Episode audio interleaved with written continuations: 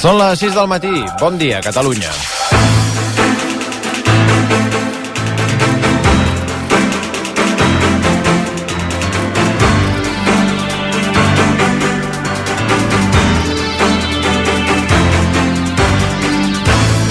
Vinga, va, peu a terra, que és dijous 29 de febrer del 2024. Comencem el dia amb fred i amb un cel serè a pràcticament tot el país.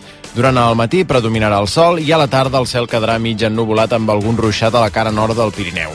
Es notaran el mestral i la tramuntana i les temperatures al migdia pujaran més que ahir, sobretot al Pirineu i a les comarques de Girona.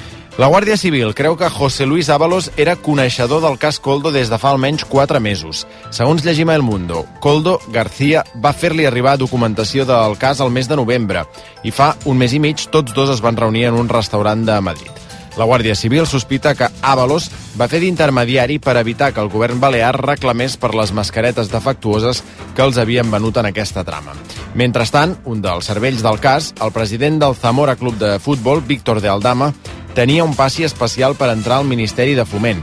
És el que publiquen diversos mitjans, tot i que aquesta nit Avalos ho ha negat a Ràdio Nacional d'Espanya. I enmig d'aquesta polèmica, el PSOE i Junts acosten posicions per arribar a un acord per l'amnistia. El termini per aprovar la llei acaba d'aquí una setmana i, segons el país, podrien tancar el pacte d'aquí a pocs dies. El diari explica que els socialistes no han cedit en la qüestió del terrorisme, però sí que han proposat fórmules per limitar el marge dels jutges a l'hora d'aplicar la llei.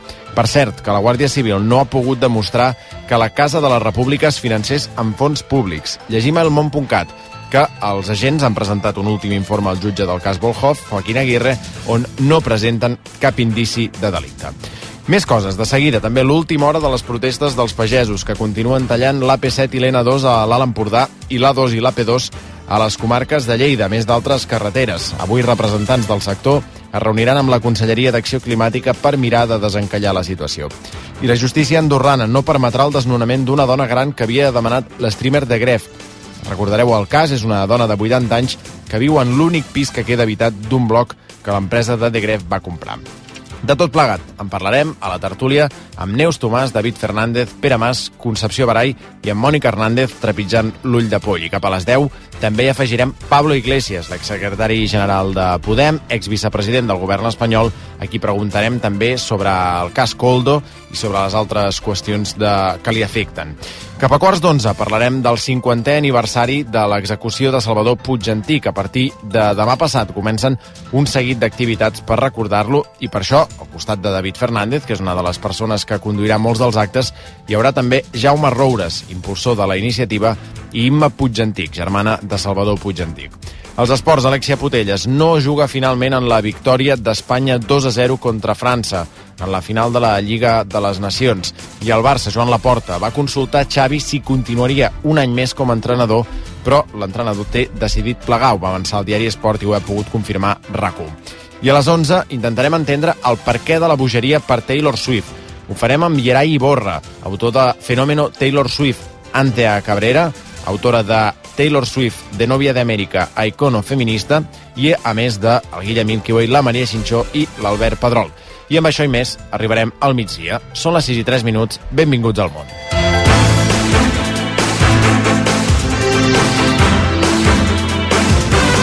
El món a RAC1 amb Albert Sort.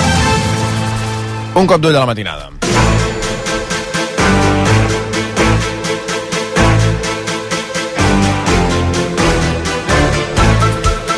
Adrià Garcia, Albert Pedrol, Mònica Osar, bon dia. Bon dia. Alguna cosa aquesta nit matinada, Adrià? Doncs sí, que un informe de la Guàrdia Civil assegura que l'exministre socialista José Luis Ábalos estava al cas des de feia quatre mesos de les investigacions al seu exassessor per presumptament haver-se embutxacat comissions milionàries amb la compravenda de mascaretes durant la pandèmia. Segons l'escrit policial al qual ha tingut accés el diari El Mundo, el 4 de novembre passat, Coldo García va donar un seguit de documents al seu germà, que també està imputat en la trama, perquè els fes arribar a Ábalos. Seria s'obrien dossiers amb informació sobre la investigació contra qui havia estat mà dreta de l'exministre. A més, en aquest escrit, la Guàrdia Civil també apunta que Avalos era un dels intermediaris implicats en la trama i que tenia l'encàrrec d'evitar que el govern de les Illes Balears reclamés les mascaretes defectuoses que els havien venut. Tot plegat és la conclusió que treuen després d'un sopar que van compartir Coldo García i l'exministre fa cosa d'un mes en un establiment proper al Congrés dels Diputats de Madrid i arran de les converses telefòniques també que els dies anteriors havien mantingut l'exassessor d'Avalos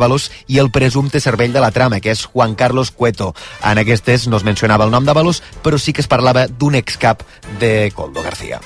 Un altre dels noms d'aquesta trama, que jo crec que la gent ja es comença a perdre, però ho intentarem explicar bé, més enllà de Coldo García, de Juan Carlos Cueto, és Víctor de Aldama president del Zamora Club de Futbol. Sí, de Aldama va ser un dels empresaris detinguts després de l'esclat de l'operació. Segons les primeres investigacions, ell hauria estat qui va presentar l'oferta de les mascaretes al Ministeri de Transports i de tot plegat s'haurien butxacat 5 milions i mig d'euros. Doncs bé, La Vanguardia explica avui que el jutge instructor del cas a l'Audiència Nacional, Ismael Moreno, afirma que Aldama tenia un passi especial per entrar al Ministeri de Foment, a qui hauria acabat venent aquestes mascaretes. Segons la resolució judicial, tot plegat ho demostraven diverses trucades que a la causa. Aquesta nit, en una entrevista a Ràdio Nacional d'Espanya, amb Josep Cuní, José Luis Ábalos, deia clarament que no li consta.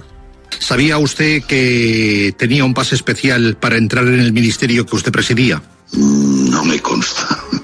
No sé qué tipo de, de pase especial estoy escuchando ahora. No, no, no, no sé, no sé si, había, si hay pase especial, si existe eso para empezar, y luego, desde luego, si existiera, pues no me consta. Segons el jutge i la Fiscalia Anticorrupció, de l'Aldama la, era un dels cervells de la presumpta trama de corrupció. L'altre seria Juan Carlos Cueto, com dèiem, qui ahir va quedar en llibertat després de declarar a l'Audiència Nacional. Segons el diari Oponés, qui també també podria passar pels jutjats a declarar és un alt càrrec de Ports de l'Estat, una de les empreses que va participar en aquesta adjudicació de mascaretes. Concretament, eh, el seu secretari general, Álvaro Sánchez Manzanares, que tan bon punt els implicats del cas van conèixer que se'ls estava investigant, va trucar preocupat a Coldo García. I, evidentment, el PP, mentrestant, s'ho capà amb totes aquestes revelacions sobre el cas Coldo i acusa Pedro Sánchez de tapar-ho. Si els populars van convertir el ple d'ahir al Congrés en una sessió monogràfica sobre l'escàndol de les mascaretes al Ministeri de Transports i van intentar estendre l'atac d'oli cap a tot el govern. El líder dels populars va acusar a Sánchez d'haver destituït José Luis Ábalos com a ministre per amagar-ho. És Alberto Núñez Feijóo. Usted lo sabía y lo tapó. Esta trama surge en la cabeza de su partido, está instalada en el corazón de su gobierno y marca la partida de nacimiento de su carrera política. La caída en desgracia del señor Ábalos no le protege, señor Sánchez, le desnuda. ¿Cuál de todas las respuestas que ha prometido el señor Ábalos en las próximas entrevistas le teme usted? Però tot i que el PP acusa el PSOE d'haver intentat tapar l'escàndol sobre les mascaretes, avui llegim al diari Oponés que el mateix Pedro Sánchez va arribar a donar llum verda fa unes setmanes a que Ábalos fos a les llistes per a les eleccions europees del proper 9 de juny. Per tant, és difícil que pogués conèixer la investigació des de molt abans, com defensen els populars. Hi ha una evidència que sentint ahir a la sessió de control al Congrés i també eh, ho vam comentar aquí a, a la tertúlia, que el tema de l'amnistia ha quedat absolutament eclipsat pel cas Coldo, bàsicament perquè el PP pensa que en pot treure més rèdit que no pas insistir en l'amnistia, que és un tema que ja està molt desgastat i que, a més, avui sabem també que el PSOE i Junts s'apropen a l'acord per aquesta llei. Sí, segons el país, els dos partits s'han anat trobant les últimes setmanes i han acostat posicions. De fet, totes dues parts confirmen que podran tancar-lo els propers dies i fins i tot aquesta mateixa setmana.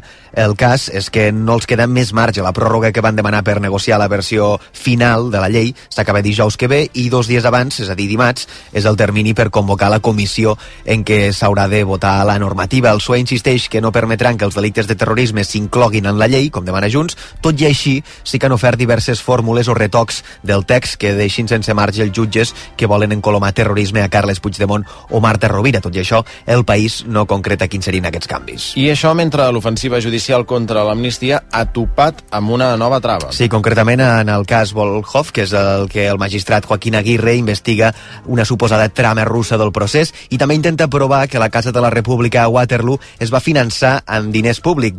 Doncs bé, eh, sobre aquest últim cas, avui el Montpuntcat explica que la Guàrdia Civil no ha sigut capaç de trobar cap indici de delicte. El cos ha presentat aquesta setmana dos informes i tots dos conclouen que no hi ha proves que es desviessin diners públics cap a l'exili. Ara bé, des de la Guàrdia Civil conclouen sempre en condicional que les empreses Group Events i Arcoiris podrien haver comès irregularitats, tot i que en el seu moment els responsables d'aquestes dues companyies ja els van detenir i tot plegat va quedar en res. Són les 6 i 10 minuts. Un exalcàrrec del govern d'Isabel Díaz Ayuso hauria espiat altres membres de l'executiu madrileny per ordre de la mateixa Ayuso. Sí, ho explica avui el digital El Plural, que ha tingut accés a la denúncia que els afectats van posar al Comitè de Garanties del partit. Segons diversos missatges de WhatsApp, Alberto González, que avui és regidor del PP a l'Ajuntament de Madrid, va utilitzar una dona perquè textualment posés calents diversos membres del govern de Madrid i els entregués informació. Les víctimes eren el conseller d'Economia madrileny i dos alts càrrecs que treballaven per a ell, segons assegura el mateix González, ho hauria fet a petició d'Isabel Díaz Ayuso.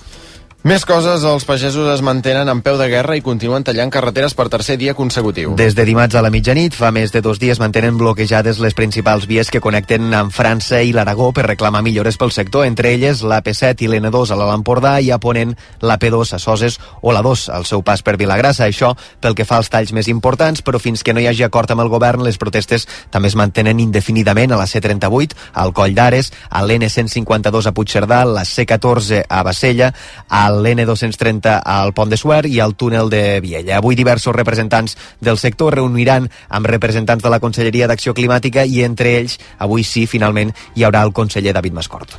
Anem cap a dos dels punts on aquests talls són més importants. Comencem per l'AP7 a Puntós, on hi ha la Bàrbara Julve. Bon dia, Bàrbara. Bon dia, sí, calma aquí a peu d'autopista. Els pagesos dormen a aquesta hora. De moment la protesta, com dèieu, es manté indefinida a l'espera de com vagi la reunió avui a les 11 amb el conseller d'Acció Climàtica, David Mascort.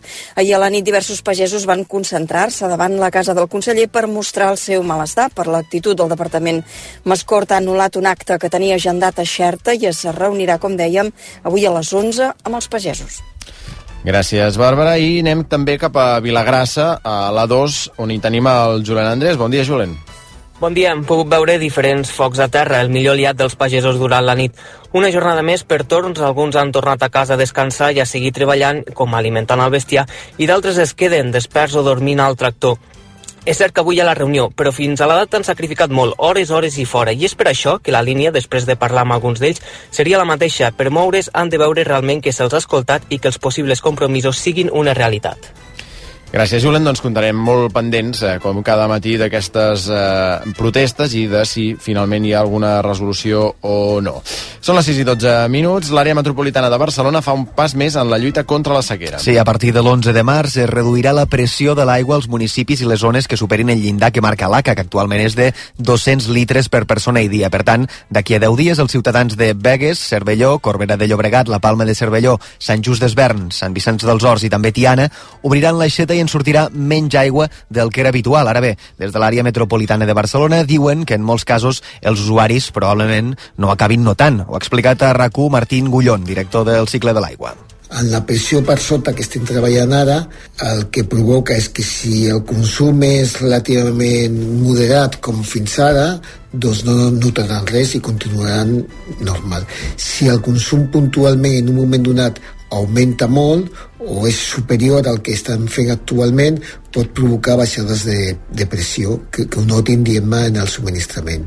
Aquesta mes mesura s'ha consensuat amb els ajuntaments afectats i amb les companyies subministradores i l'AMB no descarta haver-la d'ampliar també a més zones si la situació d'excepcionalitat s'acaba allargant. I aquesta Mònica ha de ploure aviat? Mm, no, no s'esperen no, eh? pluges els propers dies, hi haurà alguns ruixats aïllats, però no, no una situació de pluja que arregli aquesta sequera. Avui de moment dia molt tranquil, amb moltes estones de sol, sí que després a la tarda vespre arribaran alguns ruixats, ho faran cap a punts del Pirineu, sobretot cap a la Vall d'Aran, nord del Pallars Sobirà, Alta Ribagorça, també cap al massís dels Ports, i la propera nit i matinada sí que s'esperen alguns xàfecs, bàsicament a les comarques de Lleida i de Tarragona, i com a molt de manera dispersa podria arribar alguna cosa cap a la resta del país. I avui amb temperatures més altes començat a escair, sobretot cap a les comarques del nord. Demà tornarà a ser un dia de moltes estones de sol, amb vent fort, sobretot al sud i també a l'Empordà. Demà reculen una mica les temperatures i al cap de setmana sí que tindrem un temps una mica més insegur, sobretot a les comarques del nord i també de Ponent, on s'escaparan alguns ruixats i baixarà una mica la temperatura. Pràcticament un quart de set del matí. Més coses, la justícia d'Andorra no permetrà el desnonament d'una dona gran que havia demanat al popular streamer de Gref. Sí, aquest creador de contingut va comprar un bloc de pisos l'estiu passat al municipi d'Escaldes i va deixar de renovar els lloguers als pocs veïns que hi quedaven. Ara ja només hi vivia una dona de 80 anys que es negava a marxar i l'streamer havia demanat que la fessin fora. Una sentència inicial va donar la raó a de Gref, però ara el TCJ andorrà ha decidit el contrari. El tribunal diu que l'streamer no justifica prou bé els motius legals pels quals s'hauria d'expulsar la dona i afegeix que amb el desig de fer-ho no n'hi ha prou. I avui tanca les portes al Mobile World Congress. Sí, en les properes hores se sabrà si aquesta edició ha superat el rècord de 100.000 assistents que hi va haver el 2019 o si s'ha quedat a prop. Sigui com sigui, durant els quatre dies que ha durat el Congrés, els vuit pavellons de la fira han estat plens a vessar. Les novetats més destacades d'enguany han estat un robot humanoide de mida real que es pot veure a l'estand de la companyia estatal de telecomunicacions dels Emirats Àrabs i de l'altre un prototip de cotxe volador de la nord-americana Aleph Aeronautics, que en vam parlar també fa dos dies aquí al món RAC1, i en total, enguany, al Mobile hi han hagut 2.400 expositors.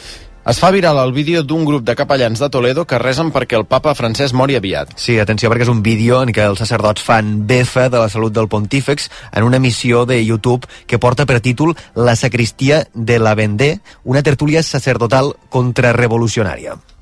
Yo también rezo mucho por el Papa para que pueda ir al cielo cuanto antes.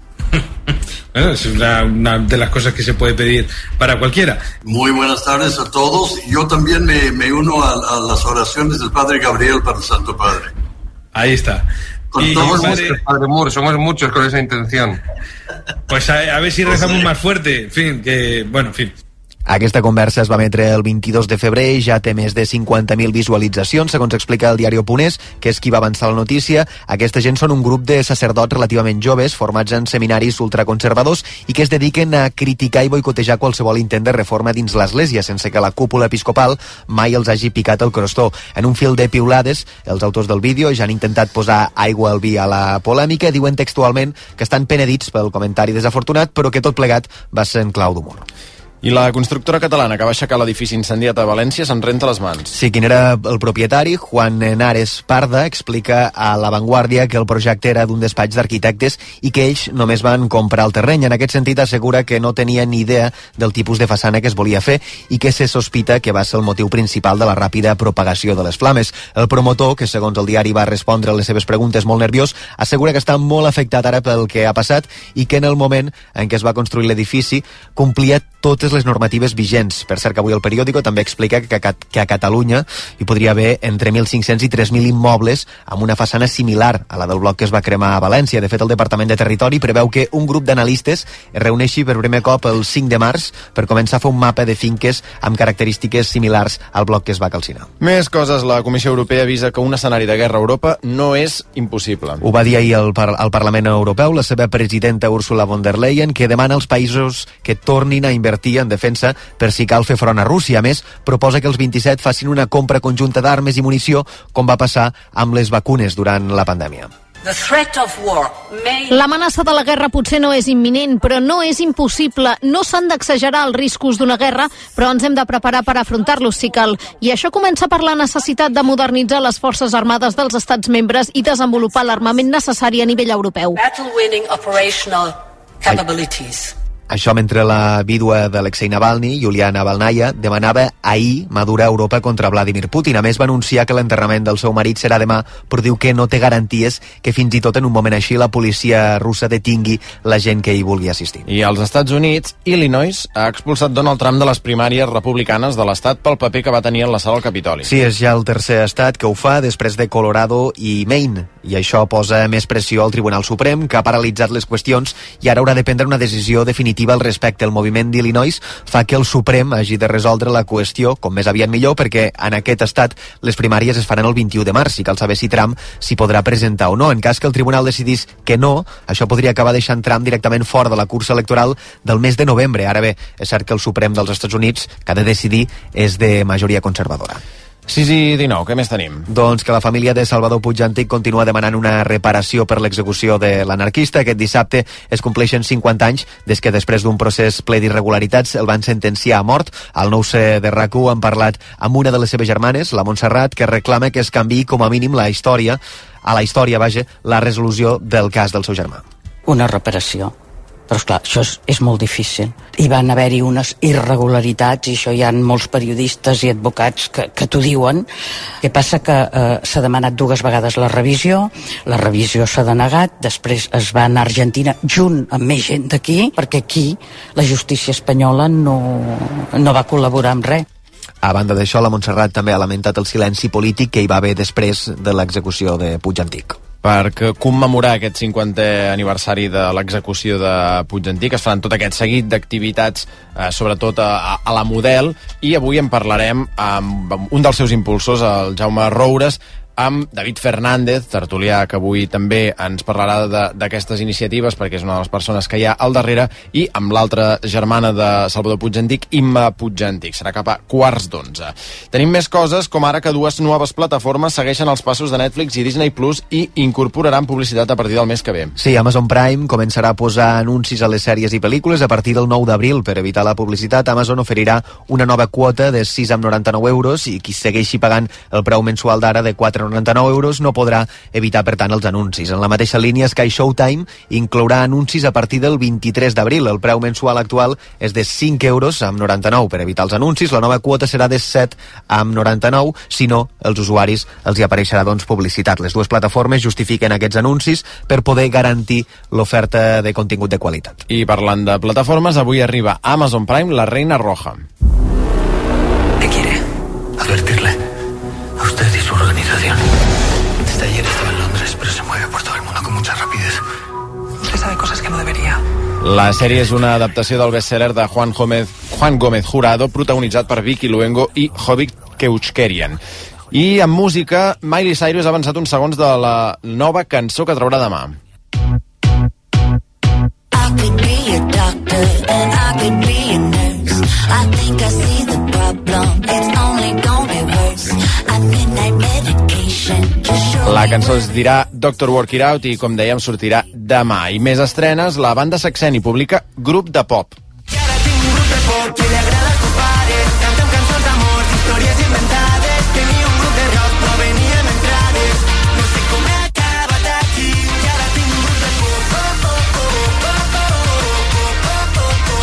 És un senzill que han fet juntament amb The Tiets. I avui publica nou disc Roba Estesa.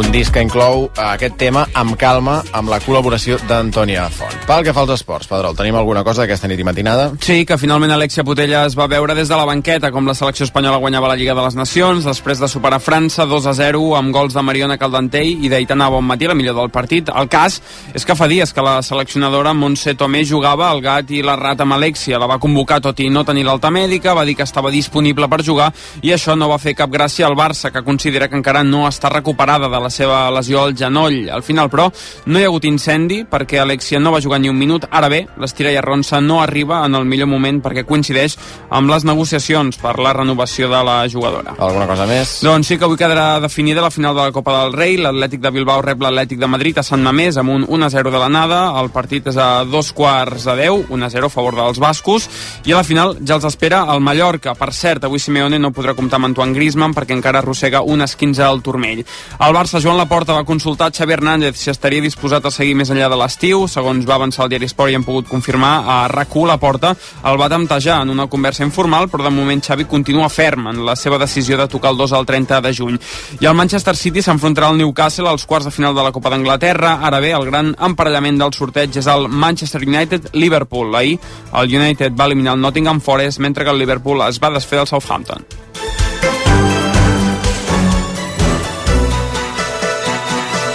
El món a RAC1 amb Albert Sort. Pràcticament les 6 i 24. Sou fans de Taylor Swift? Sí. No. Jo, sí? jo m'hi he tornat ara, sí, sí. Sí? Bueno, de, des, de, des de que està amb, el Travis Kelsey, aquest jugador de futbol americà. Ah, va. Ah, va. Sí, sí. Avui a les 11 et vull aquí per Sí, parlar d'aquesta vessant eh, més, diguem, esportiva arran de Sí, tota sí. aquesta relació. Estàs dins Sí, sí. del tema, eh? Vull dir, estaràs... Estic motivat, eh? hi, ha, hi ha moltes coses a explicar. Hi ha moltes coses a explicar. Tu, Adrià, no, eh? No, la veritat és que no, no la conec massa. Jo tampoc he de dir eh, que no la conec, eh, però bueno, avui a les 11 en parlarem, intentarem entendre per què aquesta dimensió tan bèstia de Taylor Swift i mm, avui no posaré una cançó de Taylor Swift perquè el ja em va posar una la setmana passada i aquí volem varietat, però eh, una cançó que sí que ens animarà tots una mica que es diu Serà un abisme, una versió de la cançó del Ferran Palau que fan els Falsets Ninja.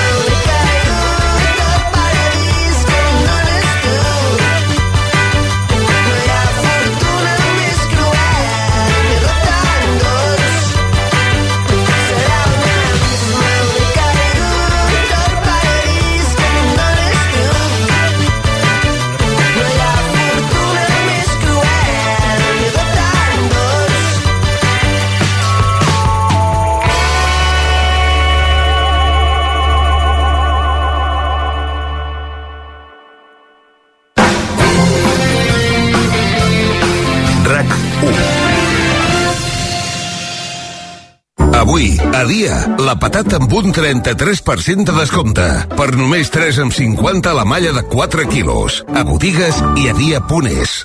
Vosaltres, que saliveu quan oloreu la paraula formatge, teniu una cita el 2 i 3 de març a la Devesa de Girona al Fòrum del Formatge Artesà i Català organitzat per Acrefa, on podreu tastar els excel·lents formatges artesans de Catalunya. Més informació a forumdelformatge.cat amb el patrocini de la MAN, Productes Gourmet i Gosby. Estimats viatgers, estiu a la vista! L'estiu és més a prop del que creus. Reserva viatge amb New Blue per les vacances d'estiu al Carib, les Maldives, Zanzíbar o Cap Verd. Aconsegueix un cupó regal de fins a 600 euros al Cort Inglés. Fes-ho ara i anticipa la reserva. Consulten les condicions a viatges al Cort Inglés. RAC més 1, podcast. A RAC més tranquil·lament.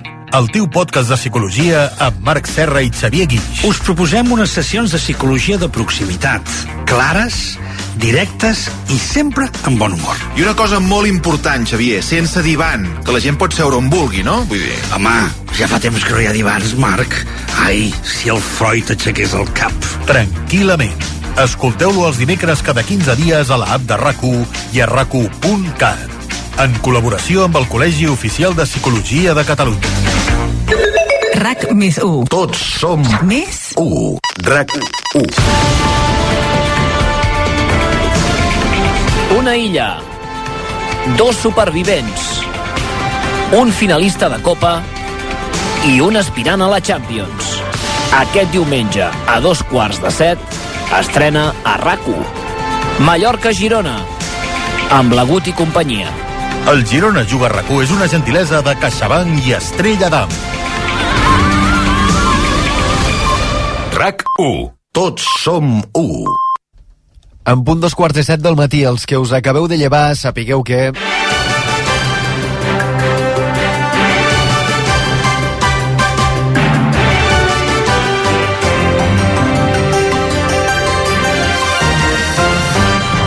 Agustí Serrat, Albert Pedrol, bon dia. Bon dia. Que José Luis Ábalos estava al cas de les investigacions de la Guàrdia Civil al seu exassessor. És el que asseguren els informes del cos als quals ha tingut accés El Mundo. Coldo hauria donat una sèrie de documents al seu germà perquè els fes arribar a l'exministre. Mentrestant, la Vanguardia explica que, segons el jutge que porta el cas, un dels imputats tenia un passi especial per entrar al Ministeri de Foment. PSOE i Junts acosten posicions per arribar a un acord sobre la llei d'amnistia. El País explica que s'han trobat discretament diverses vegades i que totes dues parts creuen que es podria arribar a un pacte aquesta mateixa setmana. Recordem que el límit per fer-ho s'acaba dijous de la setmana vinent. La Guàrdia Civil no ha trobat cap indici que la Casa de la República es financés amb diners públics. Segons el Mont.cat han presentat dos informes al jutge del cas Volhov que no aporten cap prova al respecte. Tot i així diuen que algunes empreses podrien haver comès irregularitats i ho justifiquen per haver organitzat actes independentistes. Els pagesos es mantenen en peu de guerra i encara tallen carreteres com l'AP2 a Soses, l'A2 a Vilagrassa o l'AP7 i l'N2 a l'Alt Empordà. Anem precisament cap a Pontós, a l'Alt Empordà. Bàrbara Julve, bon dia. Bon dia. Alguns pagesos fan foc a aquesta hora per escalfar-se després d'una nit més a peu d'autopista i així seguiran de manera indefinida si no s'escolta les seves reivindicacions. Avui a les 11, però, hi ha prevista una reunió. El conseller d'Acció Climàtica es trobarà amb els pagesos. Ahir a la nit, diversos pagesos van concentrar-se a Vilablareig, al Gironès, davant de, ca de la casa del conseller per mostrar el seu malestar. L'àrea metropolitana de Barcelona reduirà la pressió de l'aigua als municipis que superen el llindar que marca l'ACA. És a dir, els que gasten més de 200 litres per persona i dia serà a partir de l'11 de març i afectarà a Vegas, Cervelló, Corbera de Llobregat, la Palma de Cervelló, Sant Just d'Esvern, Sant Vicenç dels Horts i Tiana. La justícia d'Andorra no permetrà el desnonament d'una dona gran que havia demanat el youtuber de Gref. L'streamer va comprar un bloc de pisos a Escaldes i havia demanat fer fora l'única veïna que encara hi vivia, una dona de 80 anys. Al principi un tribunal li va donar la raó, però ara el TSJ andorrà ha decidit el contrari. I un grup de capellans de Toledo resen perquè el papa Francesc mori aviat. És un vídeo que porta per títol La sacristia de la Vendée, una tertúlia sacerdotal contrarrevolucionària i que s'ha fet viral a les xarxes. Els capellans hi fan befa de la salut del pontífex. Avui, últim dia de Mobile World Congress a Barcelona. En les properes hores se sabrà si aquesta edició ha superat el rècord de 100.000 assistents del 2019. Aquest any algunes de les novetats més destacades han estat un robot humanoide de mida real o un prototip de cotxe volador. Als esports, el Barça respira després que Alexia Putelles no hagi jugat ni un minut a la final de la Lliga de les Nacions. La selecció espanyola ha guanyat França per 2 a 0, però finalment la capitana del Barça ha vist tot el partit des de la banqueta. Alexia no té l'alta mèdica, però la seleccionadora havia deixat la porta oberta que tingués minuts en contra de la voluntat del club blaugrana. Mònica Usar, bon dia. Bon dia. Ocasió Plus t'ofereix aquest espai. S'espera, com dèiem, un dia de sol a Sí. bona part del país. Sí, comencem el dia amb el cel pràcticament serè a tot Catalunya, només hi ha algunes boires, però en general tindrem un matí marcat pel sol i després a la tarda el cel quedarà mig ennubulat i cap al tard arribaran alguns ruixats, ho faran a la cara nord del Pirineu i també al voltant del massís dels Ports i de nit i matinada aquests ruixats s'estendran per més punts del país, sobretot comarques de Lleida i de Tarragona, amb una cota de neu al voltant dels 1.000 metres. Avui encara es notarà el vent de mestral i tramuntana, tot i que no amb tanta força com aquests últims dies, i pugen les temperatures diurnes i ho faran especialment a les comarques del nord. I què marquen els termòmetres a aquesta hora? Ara mateix entre els 8 i els 11 graus a la ciutat de Barcelona, 10 graus a Tarragona i també a Palamós, 3 graus a Lleida i a Girona, 0 a Vic i 6 a les Borges Blanques. ¿Que por qué soy un pluser? Porque puedo elegir entre 8.000 coches en 80 centros en España. Porque me lo llevan a mi provincia y tengo 15 días o 1.000 kilómetros de prueba. Porque si no me convence, me lo cambian o me devuelven mi dinero. Ocasión Plus. Ya somos más de 200.000 plusers. ¿Te unes? Ocasión Plus. Nueva tienda en La Maquinista, calle de Santander 90 y en ocasiónplus.com. I pel que fa a les carreteres i al transport públic, a banda de les afectacions per les mobilitzacions dels pagesos que ja hem repassat, a aquesta hora no hi ha cap incidència destacable més. Són les 6 i 34 minuts, fem una pausa i de seguida repassem l'actualitat d'avui, 29 de febrer.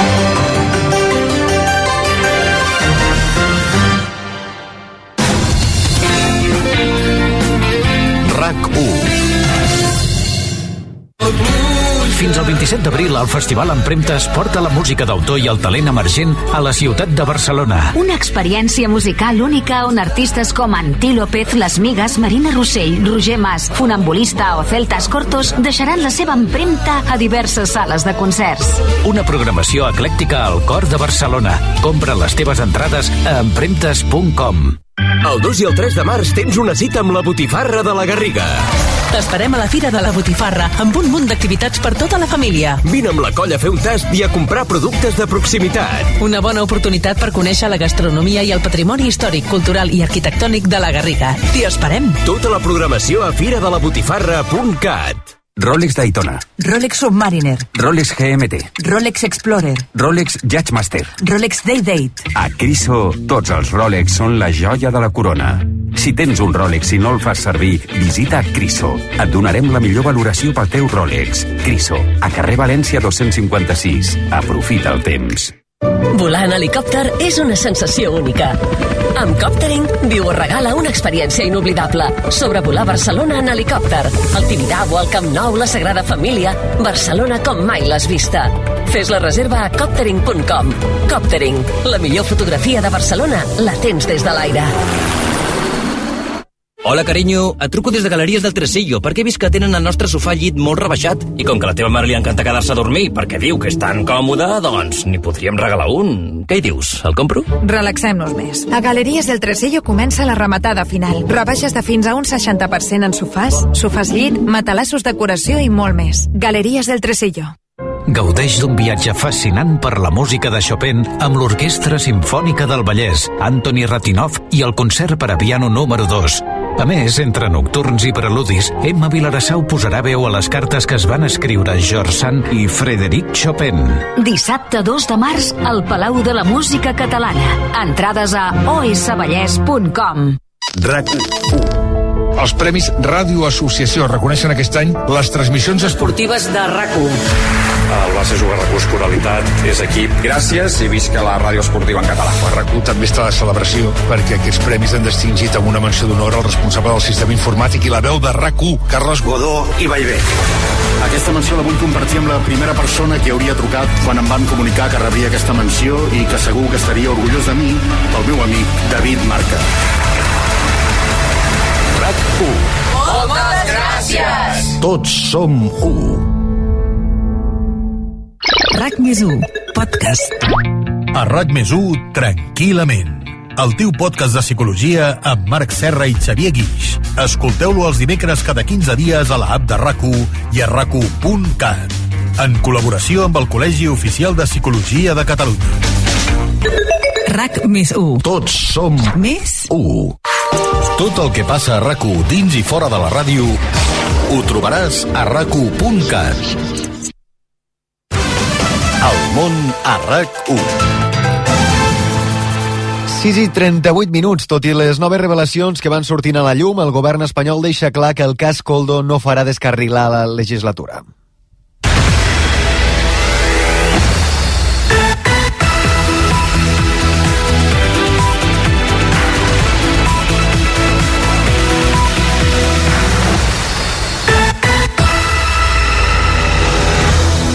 Tot i que la Moncloa continuen pendents del curs de les investigacions judicials, segons expliquen fonts del PSOE, avui a La Vanguardia, Ferraz es manté la calma. D'una banda, asseguren que no tenen res a amagar i que tampoc tenen por a les conseqüències que pugui tenir la trencadissa amb l'exministre José Luis Ábalos, perquè, com explicàvem ahir, s'ha compromès també a garantir el vot al PSOE al Congrés. Però tot i els intents del govern espanyol d'evitar que la dreta pugui utilitzar el cas Coldo com a arma llancívola, cada dia apareixen noves informacions que els ho posen més complicat. D'una banda, avui el Mundo explica que el ministre Ábalos estava al cas de les investigacions de la Guàrdia Civil al seu exassessor des de feia com a mínim 3 mesos, o almenys això és el que asseguren els informes de la Unitat Central Operativa del cos. Segons l'escrit policial al qual ha tingut accés al diari, el 4 de novembre passat, Coldo García va donar un seguit de documents al seu germà, que també està imputat en la trama, perquè els fes arribar a Ábalos. Serien dossiers amb informació sobre la investigació contra qui havia estat mà dreta de l'exministre pel presumpte cobrament de comissions il·legals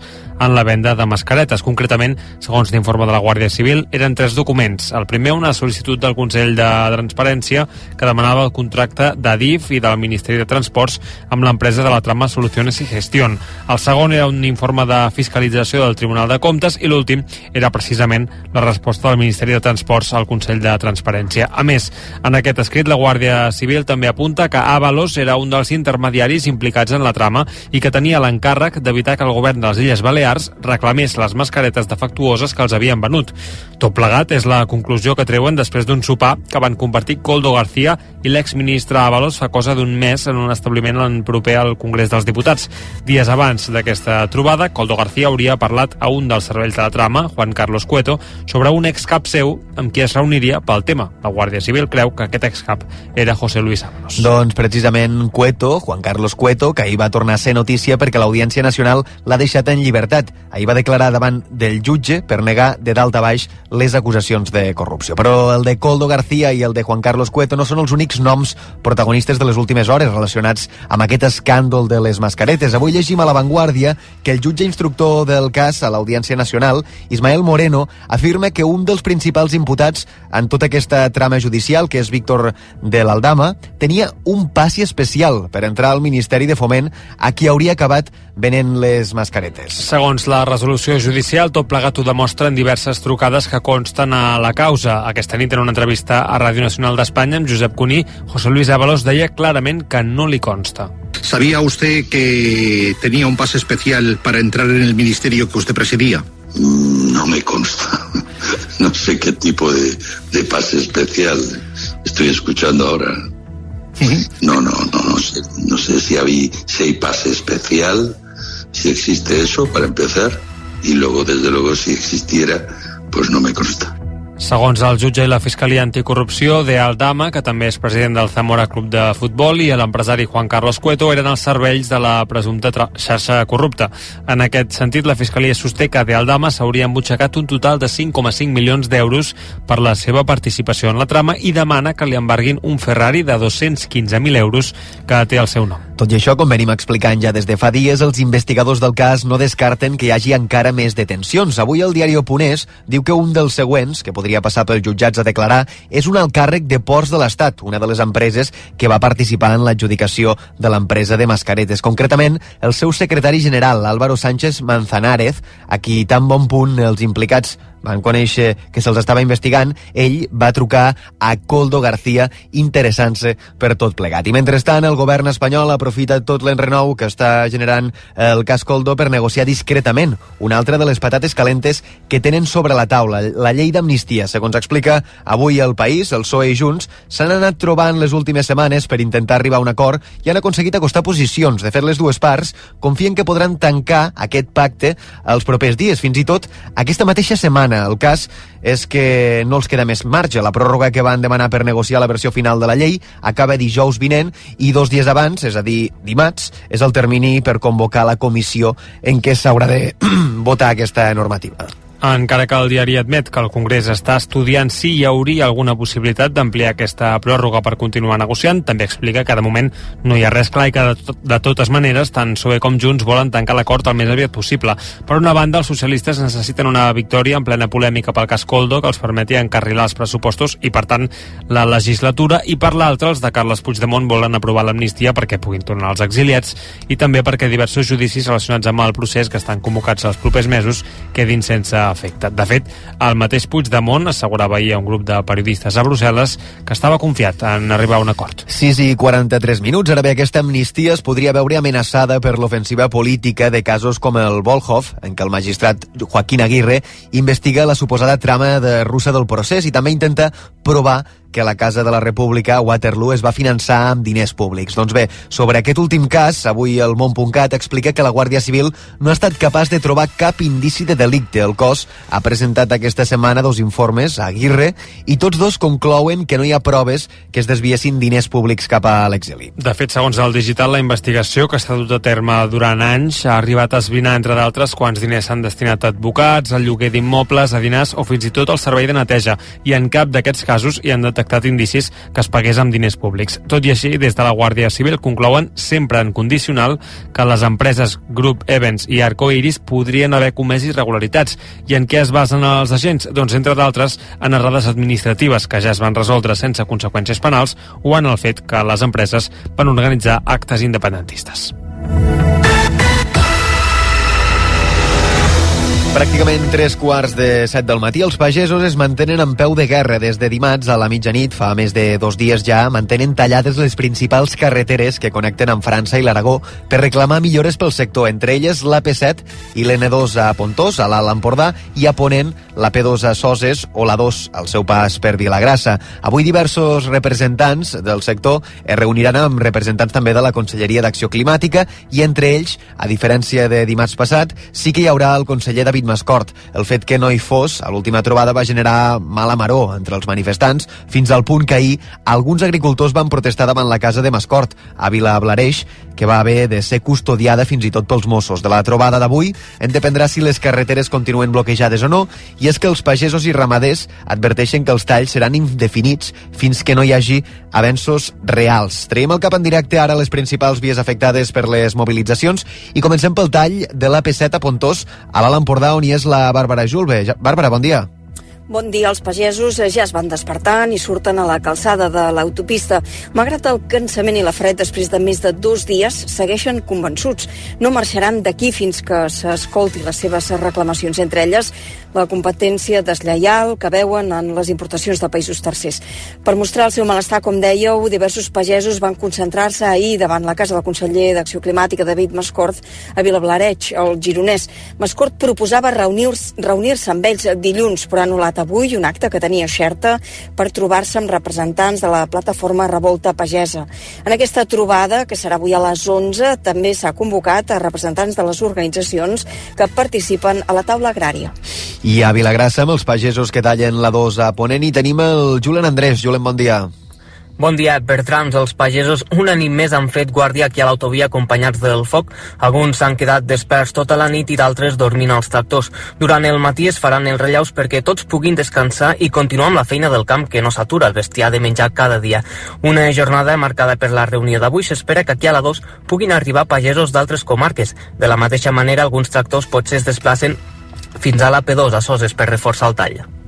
Gràcies, eh, Julen, gràcies, Bàrbara. Seguirem pendents de com evolucionen aquestes protestes al llarg del dia, això pel que fa als talls més importants, però fins que no hi hagi acord, les protestes també mantenen indefinidament tallades la C38 a Coll d'Ares, l'N152 a Puigcerdà, la C14 a Bassella, l'N230 al Pont de Suert i al túnel de Viella. Ara són les 6 i 47 minuts. Els pagesos, recordem que protesten, entre d'altres, també per flexibilitzar algunes restriccions contra la sequera i en aquest sentit l'àrea metropolitana de Barcelona ha fet un pas més, però aquest cop no han estat els pagesos els castigats. A partir de l'11 de març es reduirà la pressió de l'aigua als municipis i les zones que superen el llindar que marca l'Agència Catalana de l'Aigua, que actualment és de 200 litres per persona i dia. Per tant, d'aquí a 10 dies els ciutadans de Begues, de Cervelló, de Corbera de Llobregat, de la Palma de Cervelló, Sant Just d'Esvern, Sant Vicenç dels Horts i Tiana obriran l'aixeta i en sortirà menys aigua del que era fins ara habitual. Sí, ara bé, des de l'àrea metropolitana de Barcelona diuen que en molts casos els usuaris possiblement ni ho notaran.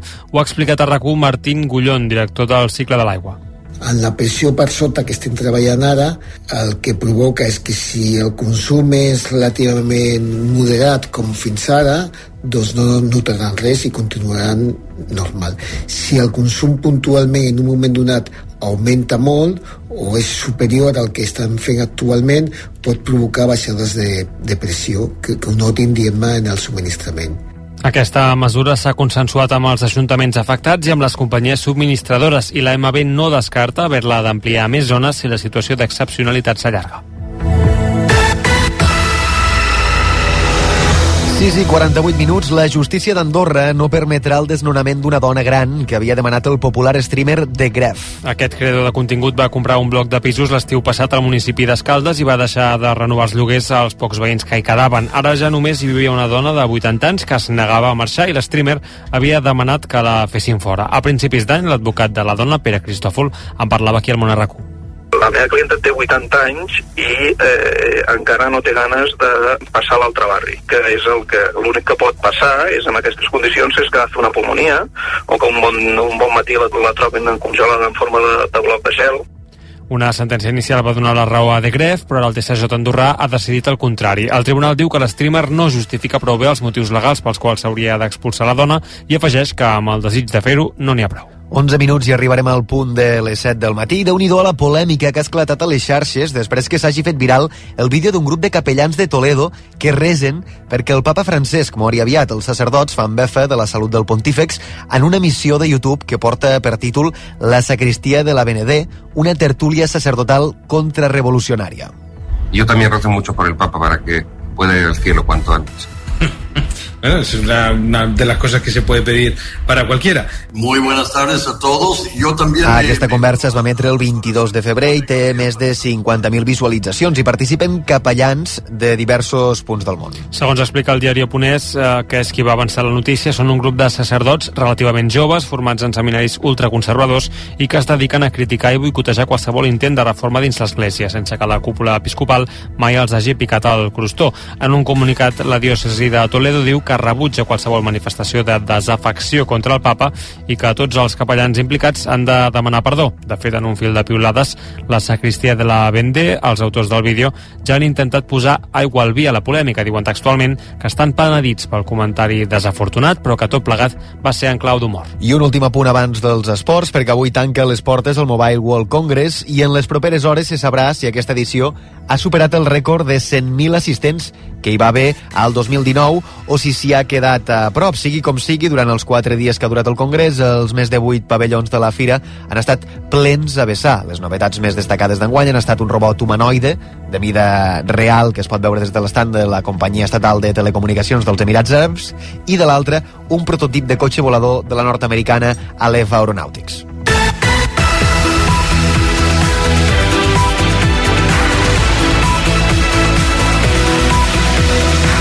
Sis i 51.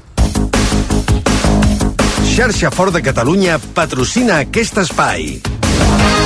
I als esports, Pedrol, el Barça respira tranquil després de veure que Alexia Putelles no va jugar ni un minut a la final de la Lliga de les Nacions. La jugadora no té l'alta mèdica, però tot i així havia, entrenat, havia entrat a les convocatòries de la selecció espanyola. Finalment, però, va veure des de la banqueta com les seves companyes guanyaven la selecció francesa. Sí, victòria per 2 a 0 amb gols de Mariona Caldentell i d'Aitana Bonmatí, que va ser la millor jugadora del partit. El cas és que fa uns dies la seleccionadora Montse Tomé mm, jugava al gat i a la rata amb Alexia Putelles, la va convocar tot i estar de baixa, va dir que estava disponible per jugar i això no va fer cap gràcia al Barça, que considera que encara no està recuperada de la seva lesió al genoll. Al final, però, no hi ha hagut incendi perquè Alexia no va jugar ni un minut. Ara bé, l'Estira i Arronsa no arriben al millor moment perquè coincideix amb les negociacions per la renovació de la jugadora de moment.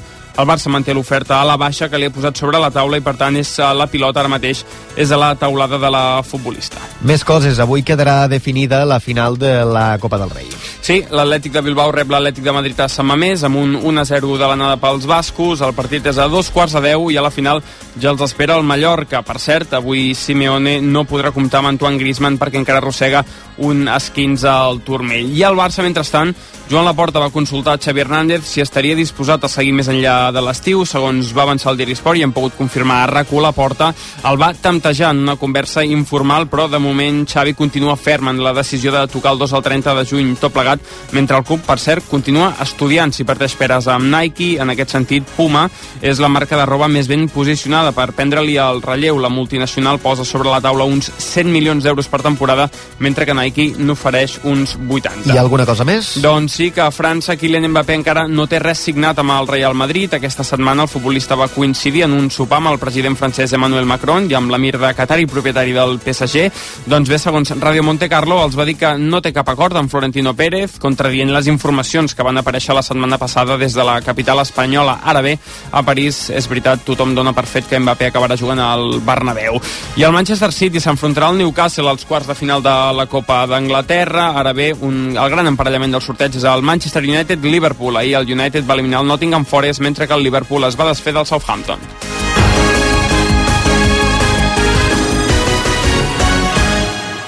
Tinc un pressentiment. Compra't el Ford Kuga.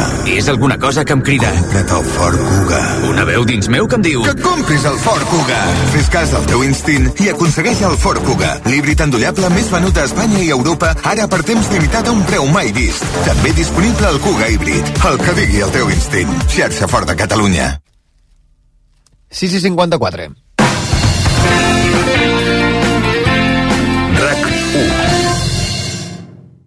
Que el teu carril sempre és el més lent és tan cert com que Aldi, el 100%, sí, sí, el 100% de la carn és d'origen nacional. Vine a Aldi i gaudeix avui i sempre de preus baixos, com la safata de pit de pollastre a només 2,99. Així de fàcil, així d'Aldi. Sortir al balcó no compta com prendre l'aire. Escapa't ja amb Vueling a més de 80 destinacions des de 24 amb 99 euros. Vinga, reserva ja amb Vueling, que després sempre et queden dies de vacances per gastar. Consulta les condicions a Vueling.com o a la nostra app.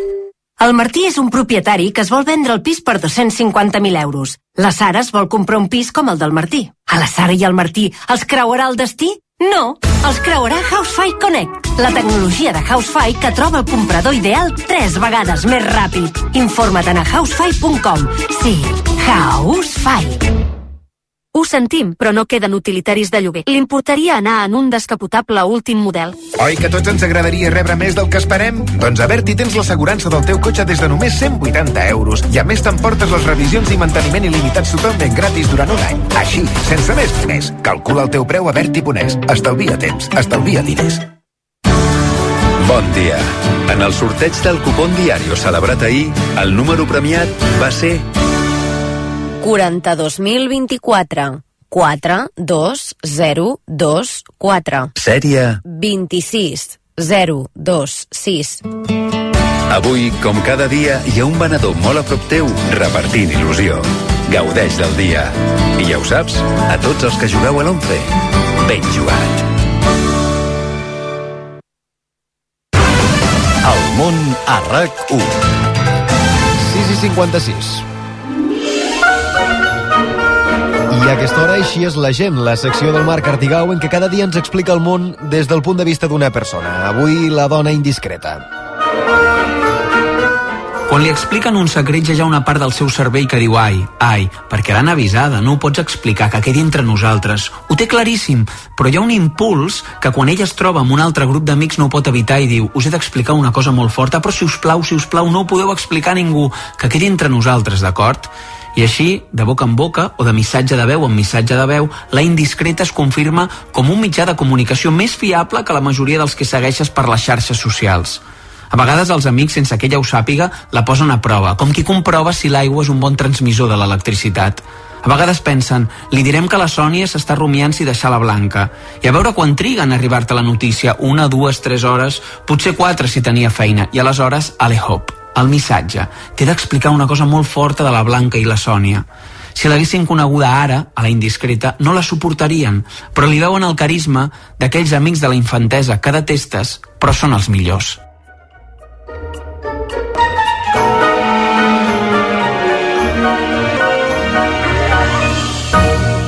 Sí, 57.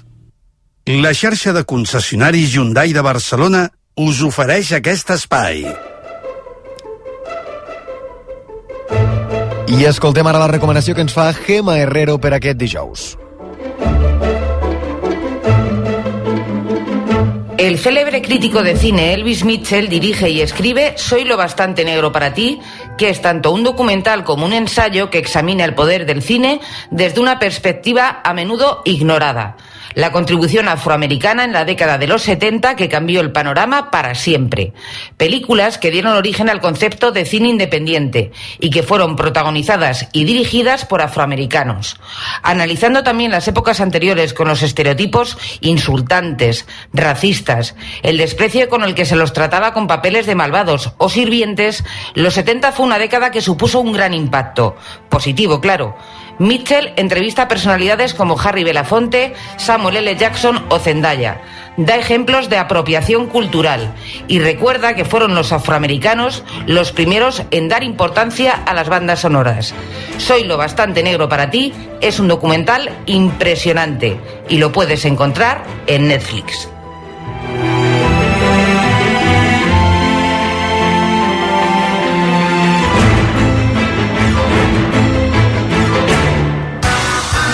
Tots aquells que ja condueixen el número 1 se senten únics, especials. I ara, perquè més gent pugui sentir aquesta increïble sensació, Hyundai posa a la teva disposició el Tucson amb unes condicions immillorables. No esperis més i gaudeix ja de la increïble sensació de conduir el número 1 en vendes. Xarxa de concessionaris Hyundai de Barcelona. RAC 1 Hola, carinyo, com estàs? Bé, m'han dit que us truqui. Quines ganes teníem de parlar amb tu. Que tu passes bé? Estàs fent amics? Menges bé? Ai, mama. Ens trobes a faltar? Sí, mama. Però em puc quedar una setmana més? Colònies d'estiu de Rosa dels Vents. Cuidant el que més estimes des del 1976.